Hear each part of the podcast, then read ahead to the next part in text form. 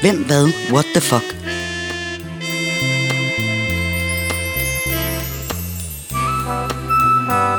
Et nedslag i et legendarisk opslagsværk fra før internettet blev født.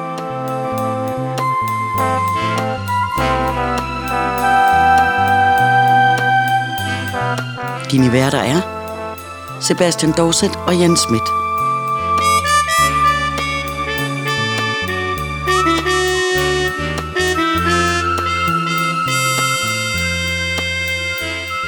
Denne gang er nu 1938.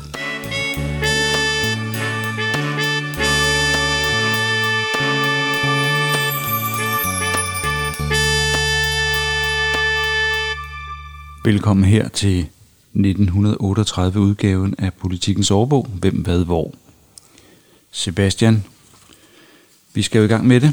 Ja. 1938 årgangen handler jo om ja, 1937 og Nemlig. lidt før jo. Og øh, her sker der mange spændende ting.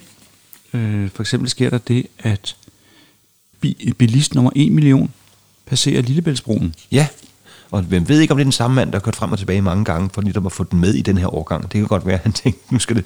Ja. Ja. Den, den var ske- relativt få år før, så Ja. ja. det, er en, øh, det er en driftig, driftig forbindelse. Og øh, ja, så kan man også læse, at borgerkrigen i Spanien, at Tyskland truer Spanien med kaperkrig, altså til søs. Mm. Øh, Justitsminister Steinke, han øh, påbegynder kampagnen mod pornografiske bøger og billeder. Vi er ked af det, Steinke. Vi sidder i 2020 og kan sige, at du vandt ikke. Nej. Eller, jeg ved ikke, om vi er kede af det, men Nej, okay. Ja. vi kan i hvert fald konstatere, at det var en kamp mod, øh, om ikke vindmøller, så i hvert fald øh, øh, drifter. Ja.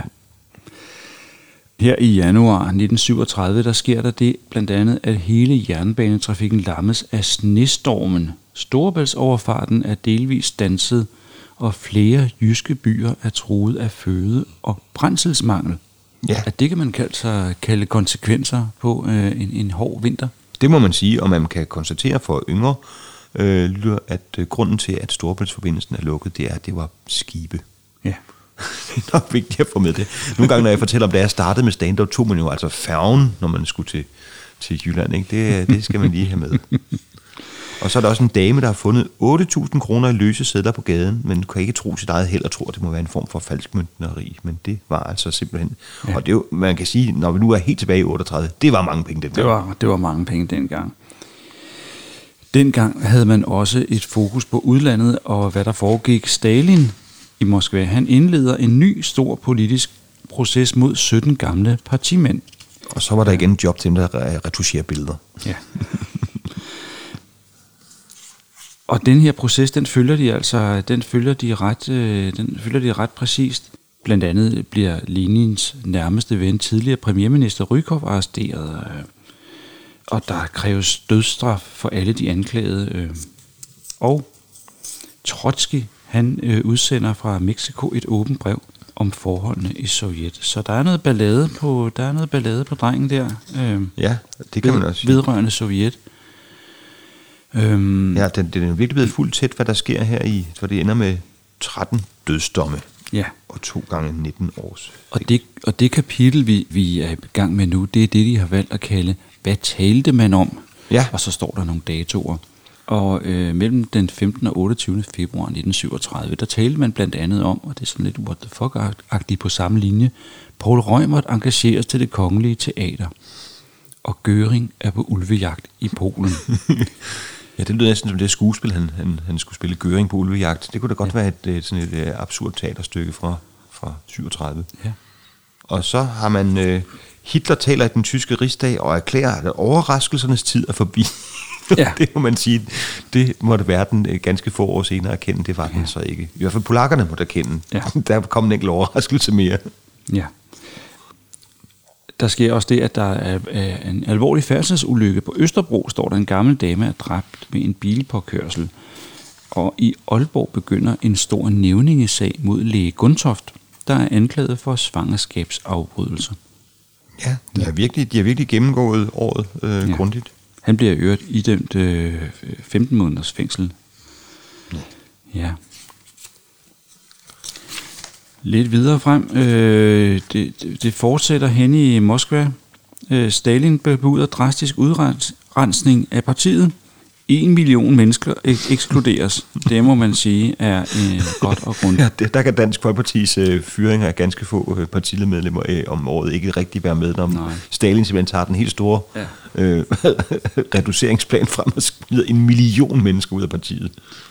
I Oslo, der har man, øh, der er der et, et, et, et stort problem i den offentlige opinion, fordi Stortingets dåbsgave til den lille nyfødte prins Harald, det er et ølkrus, og det vækker stor forarvelse i Norge.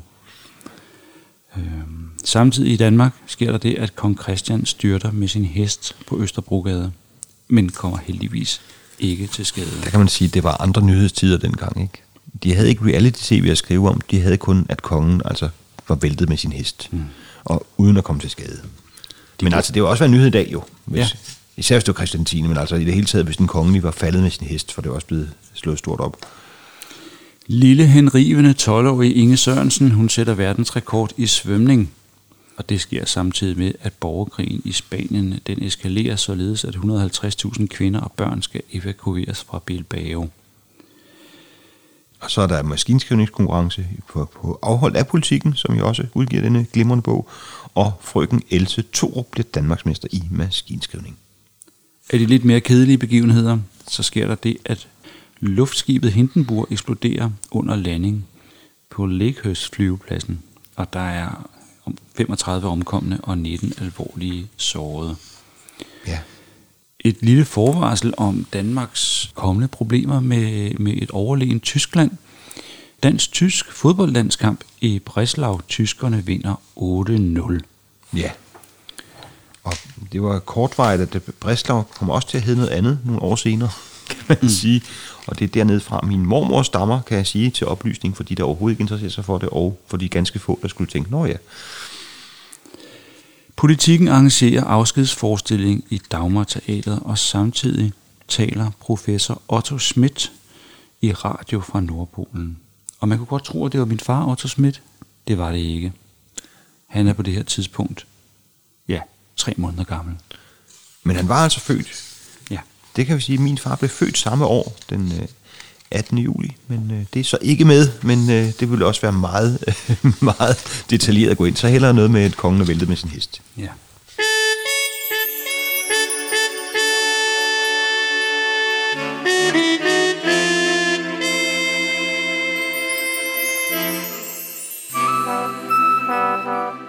Hvor mange penge tjener folk, har man lavet en lille oversigt over med små illustrative tegninger. Og de er illustrative på den måde, at man har lavet nogle tegninger, som viser nogle mennesker i forskellige fag, og så står de med en større eller mindre pengepunkt, afhængig af, hvor stor deres øh, årlige skattepligtige indkomst er i 1935. Ja.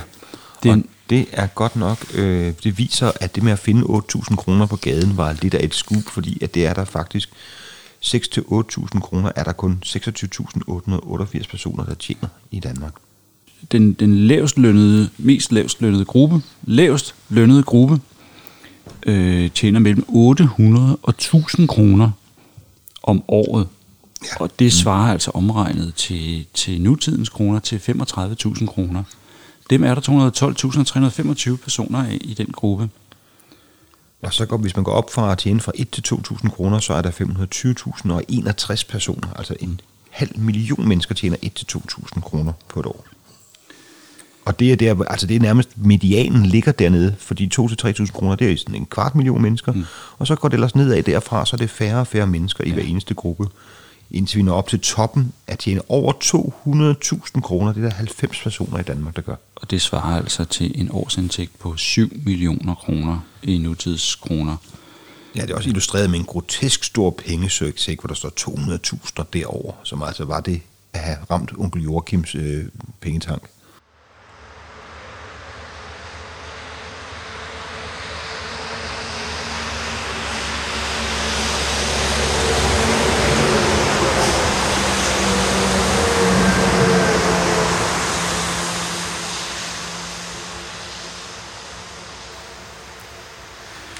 Hvis man tror, at faste forbindelser over Femerne, Øresund og Storebælt er noget, som øh, man først er begyndt at tale om, om op omkring årtusindskiftet, så tager man grueligt meget fejl.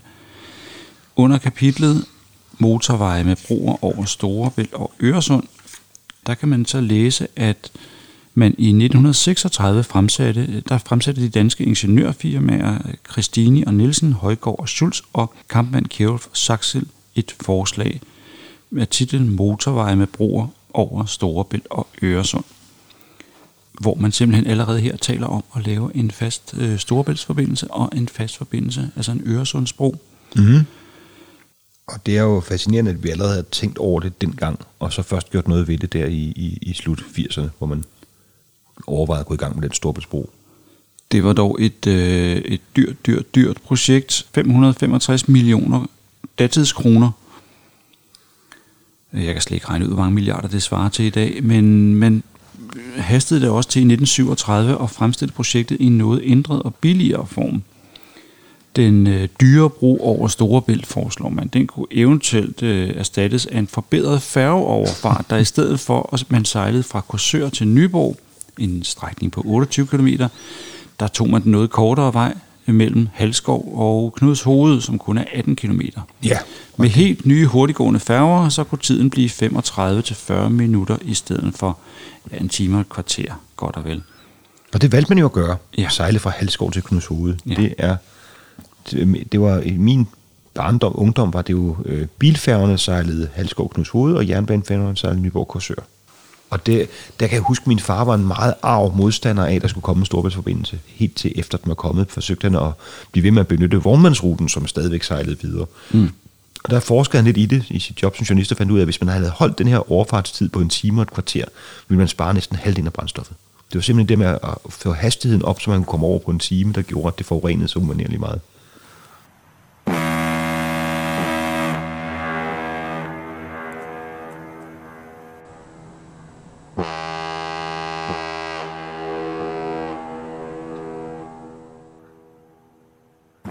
Statsbanerne i 1937, der lod de bygge en ny vogn til kongen. Altså en ny kongevogn. Og øh, han benyttede den første gang øh, ved indvielsen af Storstrøm, Storstrømsbroen. Kongevognen er den største af statsbanernes vogne. Den har vogn nummer 1. Altså det må så være den første krone 1, må man sige. Ja. Fordi den er forsynet med kroner i stedet for de sædvanlige klassebetegnelser. Ved officielle rejser kan den påsættes Danmarks og Islands våbenskjolde. Vognen er 22,2 meter lang, selve vognkassen, og lige knap 2,9 meter bred. Det indre er del i en salon, der er 4,5 meter lang, og kongens og dronningens sovekupéer samt kupéer for hofstat og tjenerpersonale. Ja, og så er den bygget af Scandia i Randers, og det skal man have med. Det skønne firma, der også gav os IC3-togene. Kæmpe respekt for dem, selvom de vist nok ikke findes længere. Ja. Vi skal tale lidt mere om, øh, om Storebæltsbroen, fordi øh, på finansloven kan man se fra 1938 til 39, der er afsat et beløb på ca. 600.000 kroner, og det svarer til 20 millioner kroner til undersøgelse af bundforholdene i Storebælt. Fordi tanken om en bro over Storebælt, den spørger stadig. Som illustration til det her afsnit om, øh, om broer, der er nogle billeder af verdens største broer. Til venstre ser man verdens længste og dyreste bro, San Francisco Oakland-broen, som er 6,4 km lang. Og til højre har man den bro med den største spændvidde i verden på det her tidspunkt, nemlig Golden Gate-broen i San Francisco, som har 1280 meter i et spænd. Ja, der mener jeg, at Storbælt har været det 1600 meter eller noget i den stil. Så det er jo også et, et modigt projekt at kaste sig ud. Hvis den længste bro er 6,4, og man så vil have en på 17,5 km, så er man jo også ude i et ingeniørarbejde, der på det tidspunkt har virket temmelig uoverskueligt, eller i hvert fald ja, driftigt, hvis man skal være, være flink. Mm. Men altså, det er jo også lidt betegnende, at de dengang vurderede, at broens samlede længde ville være 17,5, for jeg mener, den nuværende Storbæltsbro er 19, så hvis, mm. de har åbenbart tænkt sig at bygge en, der ikke nåede helt over. Ja, det var der ikke råd til. Nej, den stopper, så man bare have fart på nok til at komme de sidste 500 meter i land. Ja, det kan være, at man har tænkt sådan en hockeystav-effekt. Altså teknologien, det det. teknologien vil redde os de sidste kilometer. Ja, præcis. Det var allerede dengang, havde man håbet, at måske ville øh, jorden trække sig lidt sammen eller et eller andet. Petersen, glimrende mål. Og træffeligt dirigeret hovedstød der af Bjarne Petersen på Bostrøms lige så udmærket set indkast. Sebastian, allerede nu kommer vi til øh, kapitlet om sport Ah, men det og er så fodbold. herligt. Og det, der er morsomt ved er at se, hvordan de behandler det her i, i 1938-udgaven af Hvem med hvor, det er under fodbold. Hvis vi skal se på, hvem vandt Danmarksmesterskabet, så står der fodbold. Akademisk Boldklub. Sådan. Det var bare AB. Der var ikke noget der. De øh, bedøver sig ikke i øh, længere øh, pointtabeller og kampoversigter, så man kan se, hvem er rykket op, hvem er rykket ned, hvordan gik de indbyrdes opgør osv. osv. Man kunne bare konstatere, at Akademisk Boldklub, de vandt altså Danmarks turnering, hvis den der hed sådan dengang. Og så har de jo også øh, cykelløb med, og der kan man jo sige, at øh, de har valgt en, et sproglig øh, opstilling, som vi måske undrer os lidt over i dag, fordi de burde notere baneløb over 1 km. Og det forstår man godt, når man siger det, men hvis der bare står over 1 km, så tænker hvor meget over? Det er jo lidt afgørende, ja. når man kører løbet, og vide, hvornår stopper vi. Ja. ja. Og så, øh, ja, der jo igen har vi jo allerede fået øh, lille henrivende Inge med hendes øh, verdensrekord. Var det det, hun havde stået sat? Verdensrekord. Ja. Og der er hun blevet sat til væk af Ragnhild Wiener, en anden stor svømmer i de dage. Mm. Og så er der jo også, vi skal også huske en mindre kendt i eftertiden øh, svømmer, øh, udspringer, undskyld, Asta Ackerholt, som vandt udspring med fjedrende afsæt for damer. Man ser det for sig. ja, og man skal fjedre, ellers er det ikke godkendt. Øh, til gengæld var der et godt år i, i, i kvindetennis for udendørs øh, spillere. Der er Hilde Sperling vandt i damesingle, dame dobbelt med Else Hollis og i mixed dobbelt med Anker Jacobsen. Nu fik jeg vel sagt lige før, at man ikke øh, fordyber sig i særlig meget i, hvem der møder hvem, og hvem, hvilke hold der egentlig er med i Danmarks turneringen. Man kan faktisk se, hvem der er med både i første, anden og tredje division i Danmarks turneringen. Det kan man se på, på en af de følgende sider, hvor der simpelthen bare er listet op, hvilke hold der er med i første division. Der er nævnt, hvem der er med i første, anden og tredje division, og det er øh, for eksempel i første division har vi Vejen Boldklub, som jeg ved ikke, om de var med i første division i mange år, men det er i hvert fald ikke noget, de gør sig i lige i øjeblikket. Nej. Og, øh, og HIK Hellerup Idrætsklub, Boldklubben Frem og så videre.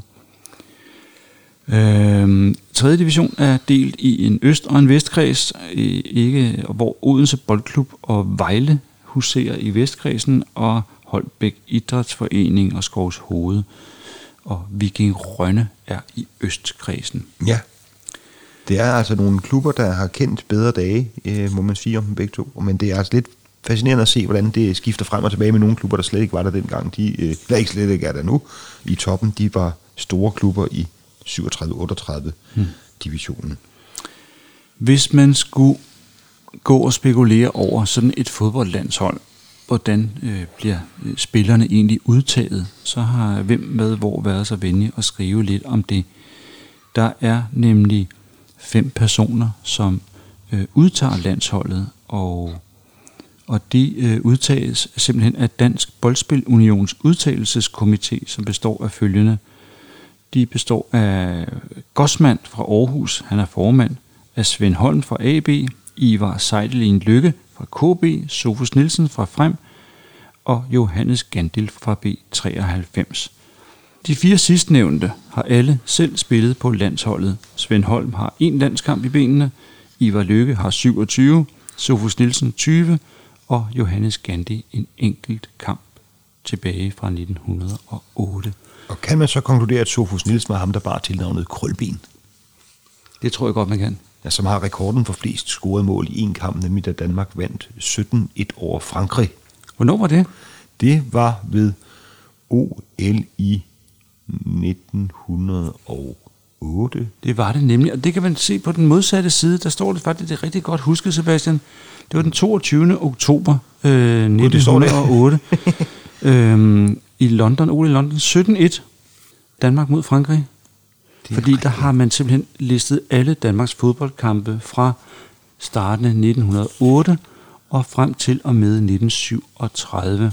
om på den næste side. Ja, så det er med det hele. Vi skal ikke gå dem alle sammen igennem. Det havde ellers været øh, hyggeligt, men måske også lidt øh, monotont for de kære lyttere.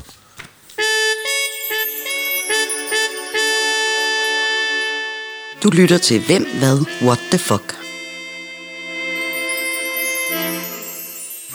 En podcast med nedslag i et legendarisk opslagsværk fra før internettet blev født.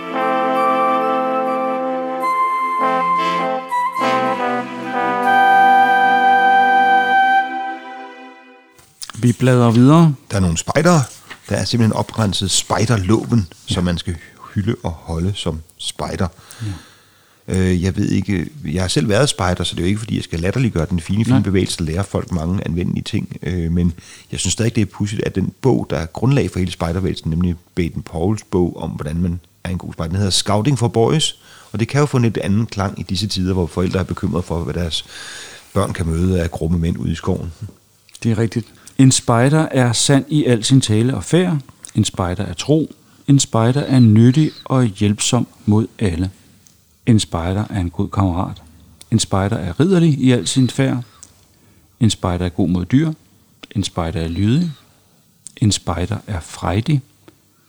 En spejder er sparsommelig og nøjsom, og en spejder er ren i tanke, ord og handling. Ja, hvis man kunne overholde de 10 bud, så var man en god spejder. Ja, og det er jo, øh, jeg har forsømt mig ud allerede det sidste bud ved at misforstå titlen på bogen, så grumt og sjovfuldt, som jeg lige gjorde. Der var jeg bestemt uren i tanke. Nå, du øh, præsenterer bare lytterne for en mulig læsning. Det gør jeg, det Ja. gør jeg. Og der kan man også se på en side en flot oversigt over de dulighedstegn, man kan opnå som spejder, hvis man øh, klarer bestemte prøver. Ja. Havde du nogle af dem, Sebastian? Ja, jeg prøvede at tage et par stykker, men jeg tror aldrig, jeg nåede til det, det, det, den dulighedsprøve, hvor man syede dem på. Så jeg fik aldrig dem på min spejderuniform, men jeg havde et par stykker, mener jeg. Men ikke, jeg var ikke nogen særlig, jeg var ikke nogen god spejder. Det har ikke noget at gøre ikke at være ren i tanke over handling. Det var mere med at være talentløs på mange andre områder. Det kunne de have som det 11. bud. En spejder er ikke talentløse på talløse områder. Mm. Der er nogle af de her dulighedstegn, der kommer lidt bag på mig, fordi jeg ser lidt spejderen som, ja igen, undskyld, øh, den, den, den kønsnormative øh, perspektivering, som øh, naturens mundre søn, Ja. MK. Og der er nogle af de her, mange af de her dulighedstegn, de ligger der også lige i tråd med det. Man kan være for eksempel en sejlsportsmand, og man kan være en vandrer. Man kan også være en god svømmer, zoolog, gartner, dyreven, mm. men så kan man også være bogbinder. Kan Kemiker, være- Ja, kemiker, fotograf. metalarbejder. Ja, Ja, der er nogen, der, hvor man tænker, det er måske lidt mere En- indendørs. elektriker. Og så synes jeg, der er et som det der med, at man øh, som, som, som er lidt kontrastfuld i forhold til det der med, at man er en god kammerat og hjælper alle. Der er et, der hedder klar dig selv. Ja, det er ikke alle sammen, der har klaret tidens tand lige godt. Det må man sige. Der kan det- være er det- musiker og skal. De ultimative spejdere, det må man sige at være de indfødte indianere i Nordamerika. De har, finder man så ud af her, udviklet et, et, et tegnsprog, som svarer faktisk til det tegnsprog, som de håndbevægelser og lignende, som døvstumme, de bruger til at, som de skriver i citationstegn, til at tale med hinanden Mm. men også af nogle skrifttegn.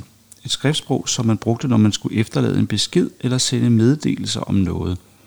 Øh, skriftsproget bestod af simple figurer, som indianerne ridsede i jorden eller malede på skin eller dannede ved at lægge pinde og strå sammen. Og jeg synes faktisk, der er nogle af dem, som er de, de, skulle, øh, de skulle rimelig meget spot on øh, og, og, og lige ud af landevejen. Øh, der er to ensartede mandeskikkelser, eller men det kan også ligne sådan nogle spøgelser med, med, med sådan hvidt lag over hovedet. Øh, det, der står to siden af hinanden, det er brødre. Mm. Øh, der er en, en gammel, det er en foroverbøjet øh, kan man sige, tændstiksmand, som holder sig til en stok, eller støtter sig til en stok. Så er der en, øh, en st- tændstikmand med en hat på. Det er en hvid mand. Ja, Det var det, de havde taget med fra den hvide mand. Han havde hat på. ja. En klog mand, det er en figur, hvor ansigtet stråler som en sol. Mm. Øhm, og lige til venstre for, der er der en, en profil af en person, hvor der så går sådan nogle streger ud fra munden. og der står så kihoste. Hvordan man lige har fået oversat det, det ved jeg sådan set ikke. Nej, og så er der også en, øh, en, en, en mand, der har en, en streg, der går op fra munden, fra munden lige ud og så lidt op. Det er tale, ikke at forveksle med kihoste. Hmm. Der er tre mandspersoner med de samme stridende hår. Det ligner næsten en, ja, en, øh, ja, sådan et punkerfrisyre. De er fra samme stamme. Jeg tror, der er noget teletop i stedet kørende, men der bliver man klogere. Der er en lang fredspibe, og den betyder sjovt nok pibe eller hygge. ja. Og lidt senere er der en mand, der sidder og ryger på sådan en javertus, og han er selskabelig, som der står. Mm, det er simpelthen basis for selskab, det er at ryge pibe. Mm. Så er der også hæftig tale, den går nedad. Der er to streger, der går nedad med nogle knuder på, så er man altså i gang med hæftig tale, og ikke bare tale eller kihoste. Til gengæld, hvis man står, og der løber sådan nogle bølger ud af øjnene på en, så har man sorg, altså Ja. man er ked af det. Det er nogle ret fine og, hvad kan man sige, ret øh, tankevækkende tegn, som de, ligesom, øh, de, de er så basale, at de kunne være stadig af folk over hele verden. Det er altså de amer- nordamerikanske indianere. Meget fascinerende øh, piktogrammer. Ja. Og lidt what the fuck-agtigt at tage det med i en årbog. Altså, det er jo ja. Ikke noget, der lige er opstået. Ikke i 1937, vi fandt ud af de her tegn. Nej. Men jeg ved ikke, om de har manglet, øh, manglet stof til ligesom at fylde den her bog med, med ting og sager. Det er jo faktisk først året efter, at det går løs med 2. verdenskrig. Ja. Øh, fordi på næste side, under rubrikken, hvor store kan det blive? Ferskvandsfiskenes størrelse. Der ser man det, øh, det klassiske billede af en lystfisker, der vis, stolt viser sin fangst. Danmarks ja. største gede, fanget i 1929 i Grarup Sø i Sønderjylland.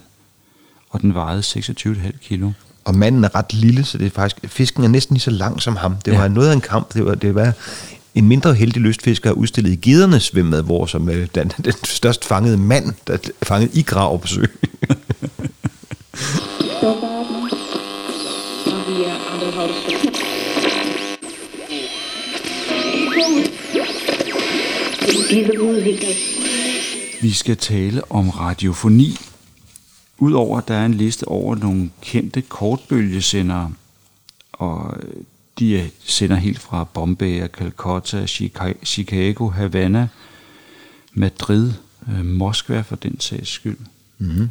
Philadelphia, Pittsburgh. Og så kan man sige, så langt kan vi jo ikke høre radio fra. Og jo, det var netop det, man kunne med kortbølge, fordi kortbølge, de havde, nem- kortbølgesender havde nemlig en utrolig lang rækkevidde, så man kunne netop sidde og finde på det her larmende kortbølge tolampers apparat, sidde øh, og være heldig at fange en udsendelse fra, ja, praktisk talt den anden side af jorden. Ja, og der har de så gjort det praktisk. Man sad med sit kortbølgeapparat og skiftede rundt mellem stationerne for at finde noget godt, så de her oplistet de forskellige pausesignaler, så når man altså fanger en bestemt station, der ikke sender, så kan man høre, hvad er det mon for et pausesignal, og de slår op i hvem er hvor og sige, det er der den parisiske øh, PTT, for den spiller nemlig, øh, ja, et, et dejligt fransk sang. Ja, der står i hvert fald, det er, det er listet op på noder, så skal man lige hen til klaveret og se, er det sådan her, den lyder? Nå, ja, det er den her. ja, man skal lige have sit klaviatur med ind til. Det er ikke alle stationer, der øh, er lige opfindsomme med at vælge øh, eller selv komponere en melodi. Altså det engelske BBC har en øh, deres stationer har et klokkespil, som spiller en en, en H-dur-skala i, i nedadgående fra tertsen dis i 10 toner, altså fra, fra, fra tertsen og så ned over en næsten halvanden oktav, før de lander på et H. Ja, det er en lille smule kedeligt. For de nodekyndige, så er der fem krydser. Øhm, Det er meget for langt, at en lille radiointeresseret dreng, han skal sidde og finde ud af det her. Der, der bliver lidt farvet på, på, på de daværende kortbølgeentusiasters vegne. Men hvordan skal man egentlig vide, at når man slår ind på en ny station, at det er Hilversum 2 i Norge, der spynder begyndelsen til den latinske hymne Te Deum Laudemus. Til gengæld, hvis man ryger ind i nogle af de tyske sendere, så er man ikke i tvivl, fordi de flere af dem, de, de, de ynder rigsførerens, de nærer den samme forkærlighed for Richard Wagner. Øh, I Hamburg, der spiller man nogle takter fra den flyvende hollænder, og i München, der spiller de Ja, München. klokkespil for Wagners Parsifal. Og øh, nu, hvor vi taler om rigskansler Adolf Hitler, så øh, synes jeg, at vi lige skal drage noget, noget ekstern litteratur ind i billedet her, Sebastian. Ja. Øhm, fordi i 1938, der skete der jo mange ting, som der ikke står beskrevet her i Hvem havde hvor. Der skete blandt andet det, at Billedbladet udkom for første gang. Selveste billedbladet, ja. Selveste Billedblad, så vi har den dag i dag. De udkom simpelthen den 5. april 1938 med nummer 1. Og allerede dengang med en prinsesse på forsiden. Ja, det var kronprinsesse Ingrid med en, en flot øh, buket med tulipaner på forsiden, og hendes unge pige rødme. Det, der er interessant ved det, det er, at på sidste side i bladet, der spotter de for, hvad man kan være så heldig at finde i næste nummer af billedbladet. Og der kan man blandt andet komme hjem til Hitler. Der er en såkaldt hjemme hos reportage fra statsoverhovedet inde, henne i Tyskland, Adolf Hitler. Og det nummer af billedbladet har jeg simpelthen fået fat på, så det kan vi, vi kan kigge lidt på den her reportage hjemme hos Hitler. Hjemme hos Adolf. Øhm, jeg læser bare lige op her inden fra reportageopslaget Hitlers hjem i Berchtesgaden. Da Adolf Hitler flyttede det tyske rigskancelli til Berchtesgaden, måtte han ombygge og udvide sit hus Berghof i overensstemmelse med de repræsentative krav, der stilles til Tysklands overhoved. Det er det, vi forbinder med Hitler, det er repræsentative krav. Noget palads er det ikke blevet, men en ualmindelig smuk og pers- personlig præget bolig, lyder det altså fra den her boligreportage, som ja, lyder fra noget, vi kunne finde i, i Bo Bedre. ja, altså jeg ved godt, når man laver hjemme hos reportager på, på ugebladet, så er man ikke sådan super kritisk. Men lige når det lige er Hitler, kunne måske godt lade være med at være så bimlende positiv. Ja. Berghof ligger så pragtfuldt, som et hus kan, i denne Bayerns skønneste egen, omgivet af nåleskove, græsgange og stejle klippevægge. Ja, det lyder som, hvad kan man sige, øh, scenografien til en Wagner-opsætning. Ja, og de har også en meget fint uh, billede, hvor der er et flyl. Ja, den store hall er husets centrum, et pompøst, stadigt rum, som uden overdreven pragt gør et uhyre repræsentativt indtryk. Dets dimensioner er betydelige. Det er 22,5 meter langt, det vil sige nogenlunde lige så langt som Krone 1, den nye kongevogn. præcis faktisk. Øh, 13 meter bredt, og der er 5,5 meter til loftet. Der er et enkelt lille billede af Hitler i, i, øh, i, i vandretøj og med stok, mens han er ude at gå. Men ellers er den her, øh, den her hjemme hos reportage, den er jo blevet til nogenlunde på samme måde, som, som de stadig bliver til i ugebladene. Det er jo ikke fordi, at Johnny Depp har inviteret Nej, Bent, nej. Bent Albø for at se og høre hjem til sit hjem og viser ham rundt i, i det her store, pragtfulde 500 kvadratmeter store hus i Beverly Hills. Men man har fået nogle billeder fra, eller købt nogle billeder fra et billedbureau øh, af, af det hus, muligvis i forbindelse med et salg eller noget. At, Ja, præcis. Så øh, Billederne dukker lidt tilfældigt op, og så er der en eller anden journalist, der sætter sådan og digter, hvad, hvad, hvad, hvad verden bruger de forskellige rum til, eller hvordan han øh, forbe- forsøger at forbinde til en af de film eller musikværker, den kendte har lavet, ja. og så ligesom få, det er måske her, han fik ideen til, eller et ja. eller andet, ikke? Ja. Man får helt sådan der chok, hvordan i alverden får man noget interessant ud af de her billeder fra et eller andet røvkedeligt menneskes røvkedelige hjem. ja, røvkedelig ved jeg ikke, om I kan kalde Hitler. Nej, det er måske, Øh, havde været lidt mere røvkedelig, havde verden været et bedre sted. Ja. Et hjørne af den store hall med flylet af, af det store billede her, som er et u- uundværligt instrument for husets dybt musikalske herre. og et kostbart flamsk gobelin fra det 17. århundrede. Selvfølgelig mangler heller ikke en kæmpe globus i rummets udstyr. Loftet er af nødetræ og gulvet dækket af dæmpet rødbrun velur og ægte tæpper. Ja, han har smag ham Hitler. Sin belysning får hallen gennem et enormt 8 meter bredt vindue, og om aftenen fra lysekroner af blank messing. Jeg synes, det er sjovt, det med, at de lige har fået med, at han er gennemmusikalsk. Det er ikke en af de ting, jeg husker fra Hitler sådan rigtigt, det var, han sagde, Nej. Nok om de her forhandlinger, nok om den her invasion, nu skal I høre mig spille noget Chopin. Men, øh, men altså, man kan sige, at han fik tyskerne til at gå i takt. Så Ja. lidt musikalsk har han været. Ja. Men hvor er det fint, at der simpelthen findes et billedblad med hjemme hos Hitler.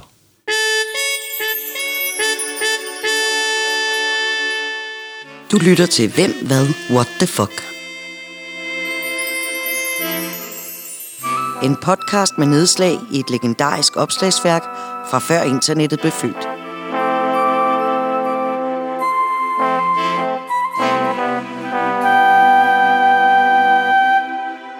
Noget andet, man kunne gå op i i 1938, det var latinske ord og vendinger. Og øh, her har øh, Hvem med hvor, altså et par sider med oversættelse og forklaring af de mest udbredte latinske ord og vendinger, som man altså ved, når man kan sige til betjenten, nej, det var ikke mig, jeg har et alibi, mm. fordi alibi betyder simpelthen andet steds. Jeg var et andet sted, og jeg kan bevise det. Ja. Og alias på anden måde også kaldet. Ja. Errare humanum est, som mangler den sidste halvdel af sætningen set non perseverare. Det er menneskeligt at fejle, som pindsvinet sagde og hoppe ned fra gulvsgruppen. Yndede min latinlærer og fremdrage. Festina lente, skynd dig langsomt. Ja. Og det må noget med Festina-holdet at gøre. Ja, det må det være. De, er- de, de skyndte sig lidt for hurtigt, i hvert Ja. fald, som jeg husker det. Øhm, og, og, så- men der er jo også et, ur, det er jo et urmærke, mener jeg, Festina. Ja. Så det er jo øh, det er åbenbart et ur, der går for hurtigt. Ja. Men langsomt. Men langsomt, ja. Ja. Andre kendte øh, citater og, og, og vendinger, det er blandt andet Ceterum senseo Carthaginem esse delendam. Øh, Det det er den, mener at Karthago bør ødelægges. som den romerske senator Cato den ældre afsluttede alle taler i senatet med. Han mente simpelthen, at bystaten Karthago var blevet for, for, øh, for stærk en modspiller mod Romeriet, og at det, at det eneste rigtige for Rom at gøre, det var at, at simpelthen at tilintetgøre den her modstander, den her fjende. Og nu kommer der altså en spoiler alert. Og det skete så lige i 3. puniske krig, Ja. ja. 106 år før, øh, år før vores tidsregning. Sorry, undskyld, jeg afbrød dig, Sebastian. det, jeg vil bare lige sørge for, hvis folk sad og ventede på, hvordan, altså selv ville finde ud af, hvordan gik det egentlig de her kartagenser, ja. så, så ødelagde vi spændingen lidt for dem med at sige, at romerne vandt. Ja. Det er også derfor, man ikke har hørt så meget om Karthago. Og det, gjorde, det gav for øvrigt en uh, lidt what the fuck-agtig reaktion. Jamen, de ødelagde fuldstændig Karthago. Der var simpelthen ikke, de, de ødelagde alt brønde, bygninger, hele, hele møget røg fuldstændig. Så der er ikke nogen at slutte fred med.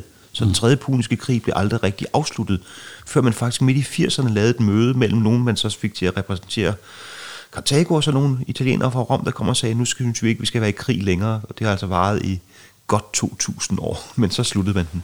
Lidt på samme måde, bare lidt på steroider, som at 2. verdenskrig først blev, blev, blev rigtig formelt afsluttet ved de to Tysklandens genforening i 1990. Ja, præcis. Fordi der først der var en juridisk person, som kunne underskrive en, øh, den indgåede fred. Man fik simpelthen fundet en form for kartagenser, som kunne stå og sige, det er også okay, vi gider ikke rigtig være krig med Rom, for vi er mest kun mig. Ja. Ja. det virker som, I har overhånden i den konflikt i den fjerde puniske krig, vil gå ret hurtigt. Jeg har stemt om det. ja. Og jeg synes ikke, jeg vil gå i krig med hele Italien. Sætningen her, øh, Carthaginem esse delendam, hvis man synes, man kender den, så er det fordi, man har haft latin sikkert i skolen, fordi det er sådan et yndet eksempel for latinlærere altid at, at drage frem på den kons- konstruktion, som hedder akkusativ med infinitiv. Mm.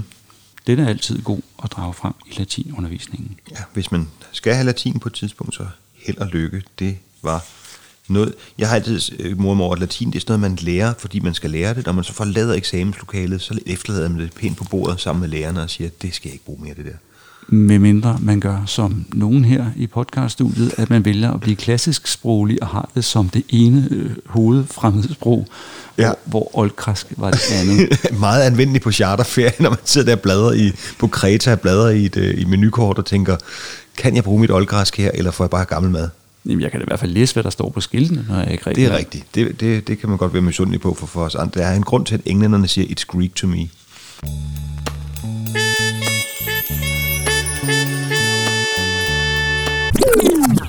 En oplysning, som i dag vil være rimelig what the fuck på, på flere planer, det er, at de har øh, opregnet her, hvordan man kan bruge sit lommeur som kompas. Ja. Det vil sige, skulle man have brug for at vide, hvor verdenshjørnerne befinder sig, og ikke have et kompas ved hånden. Men hvis man, har, øh, hvis man er i besiddelse af et lomme eller armbåndsur, som går nogenlunde rigtigt, så har man i det et udmærket kompas, der ganske vist kun er anvendeligt, når solen er synlig. Kompasset anvendes således, man holder uret vandret og drejer det, så den lille viser peger lige mod solen. Og her skal jeg altså lige have, have de yngre øh, lyttere med. Uger i gamle dage, der var viser på. Det var Ja. ikke et tal. Nej, de pegede på et tal, disse. Ja. viser. De viste ja. tallet. Ja. Hvis man peger den lille viser direkte op mod solen, øh, så vil man kunne finde syd på det punkt, som ligger lige mellem der, hvor den lille viser er, og så klokken 12. Mm.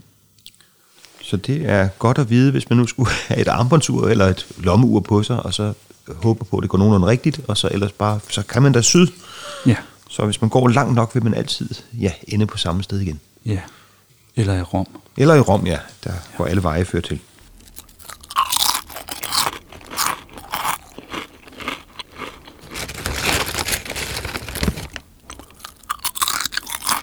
Hvor meget spiser et menneske i løbet af 70 år, har man valgt at give et illustreret bud på her i Hvem Hvad Hvor. Ja, og der er sket lidt, kan vi sige, siden Ja. ja. 37. Ja. Tallet, øh, tallene her er beregnet på, gru- på grundlag af Statistisk Departements opgørelse af, hvor stor en del af Danmarks årlige forbrug, der falder på hver enkelt indbygger. Ja, og man kan jo tage fat fra, fra en ende af, Sebastian. Ja, vi spiste dengang 672 kilo smør på 70 år. Altså i løbet af vores liv, ja. Mm. Vi indtog 508 kilo kaffe, men 126 kilo kaffesurrogat. Og det vidste man jo ikke, når man udgav 38-versionen af, af Hvem med hvor, men det vil jo stige voldsomt i løbet af de Mm. næste år, det tal med surrogat, eftersom krigen fratog os muligheden for at få Ja. kaffe. Men så får igen helt at forsvinde på et tidspunkt. Ja, Når vi fik kaffe nok igen, så var der sgu ikke nogen, der gad at blande riks i hvad, hvad, hvad var det for en 8, 48 eller noget af den stil, vi havde, hvor der stadigvæk var nogen, der lige skulle have noget Ja, kaffe ja, fordi ja. nu havde de vendet sig til smagen. Ja, det er rigtigt. 336 kilo æg, det vil sige 5.400 hele æg, spiser man igennem en, en levealder. Man indtager, ah, det, man, man spiser det nok så ikke, fordi så bliver man ikke 70 år, 22.050 cigaretter. Ja. 6.090 cigarer og 6.440 cigarillos. Så det er en... Øh, de, det er simpelthen så fast en ting, at man ryger dengang, at de kan behøver ikke sige, hvis man altså ryger. Det, Nej. det gjorde man. Det gjorde man. Man spiser også kød. Lige godt to tons oksekød vil man indtage i sit liv. Mm. Øh, svinekød, lige omkring øh, lige- godt og vel, altså omkring 2,6 tons Ja. flæsk. Øh, man vil drikke 2.345 liter stærkt øl, 1.323 liter svagt øl, og kun lige knap 500 liter mineralvand. Ja, man var helt klart stærkere på øl end på vand dengang, og man ville drikke 132 liter vin. Ja. Og her øh, går vi altså ud fra et menneske, som vejer 75 kilo i gennemsnitsvægt. I hvert fald før de spiser alt det flæsk. Ja.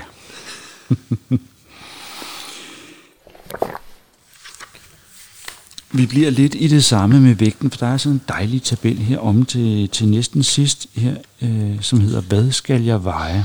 Ven, menneskets normale vægt i forhold til alder og højde.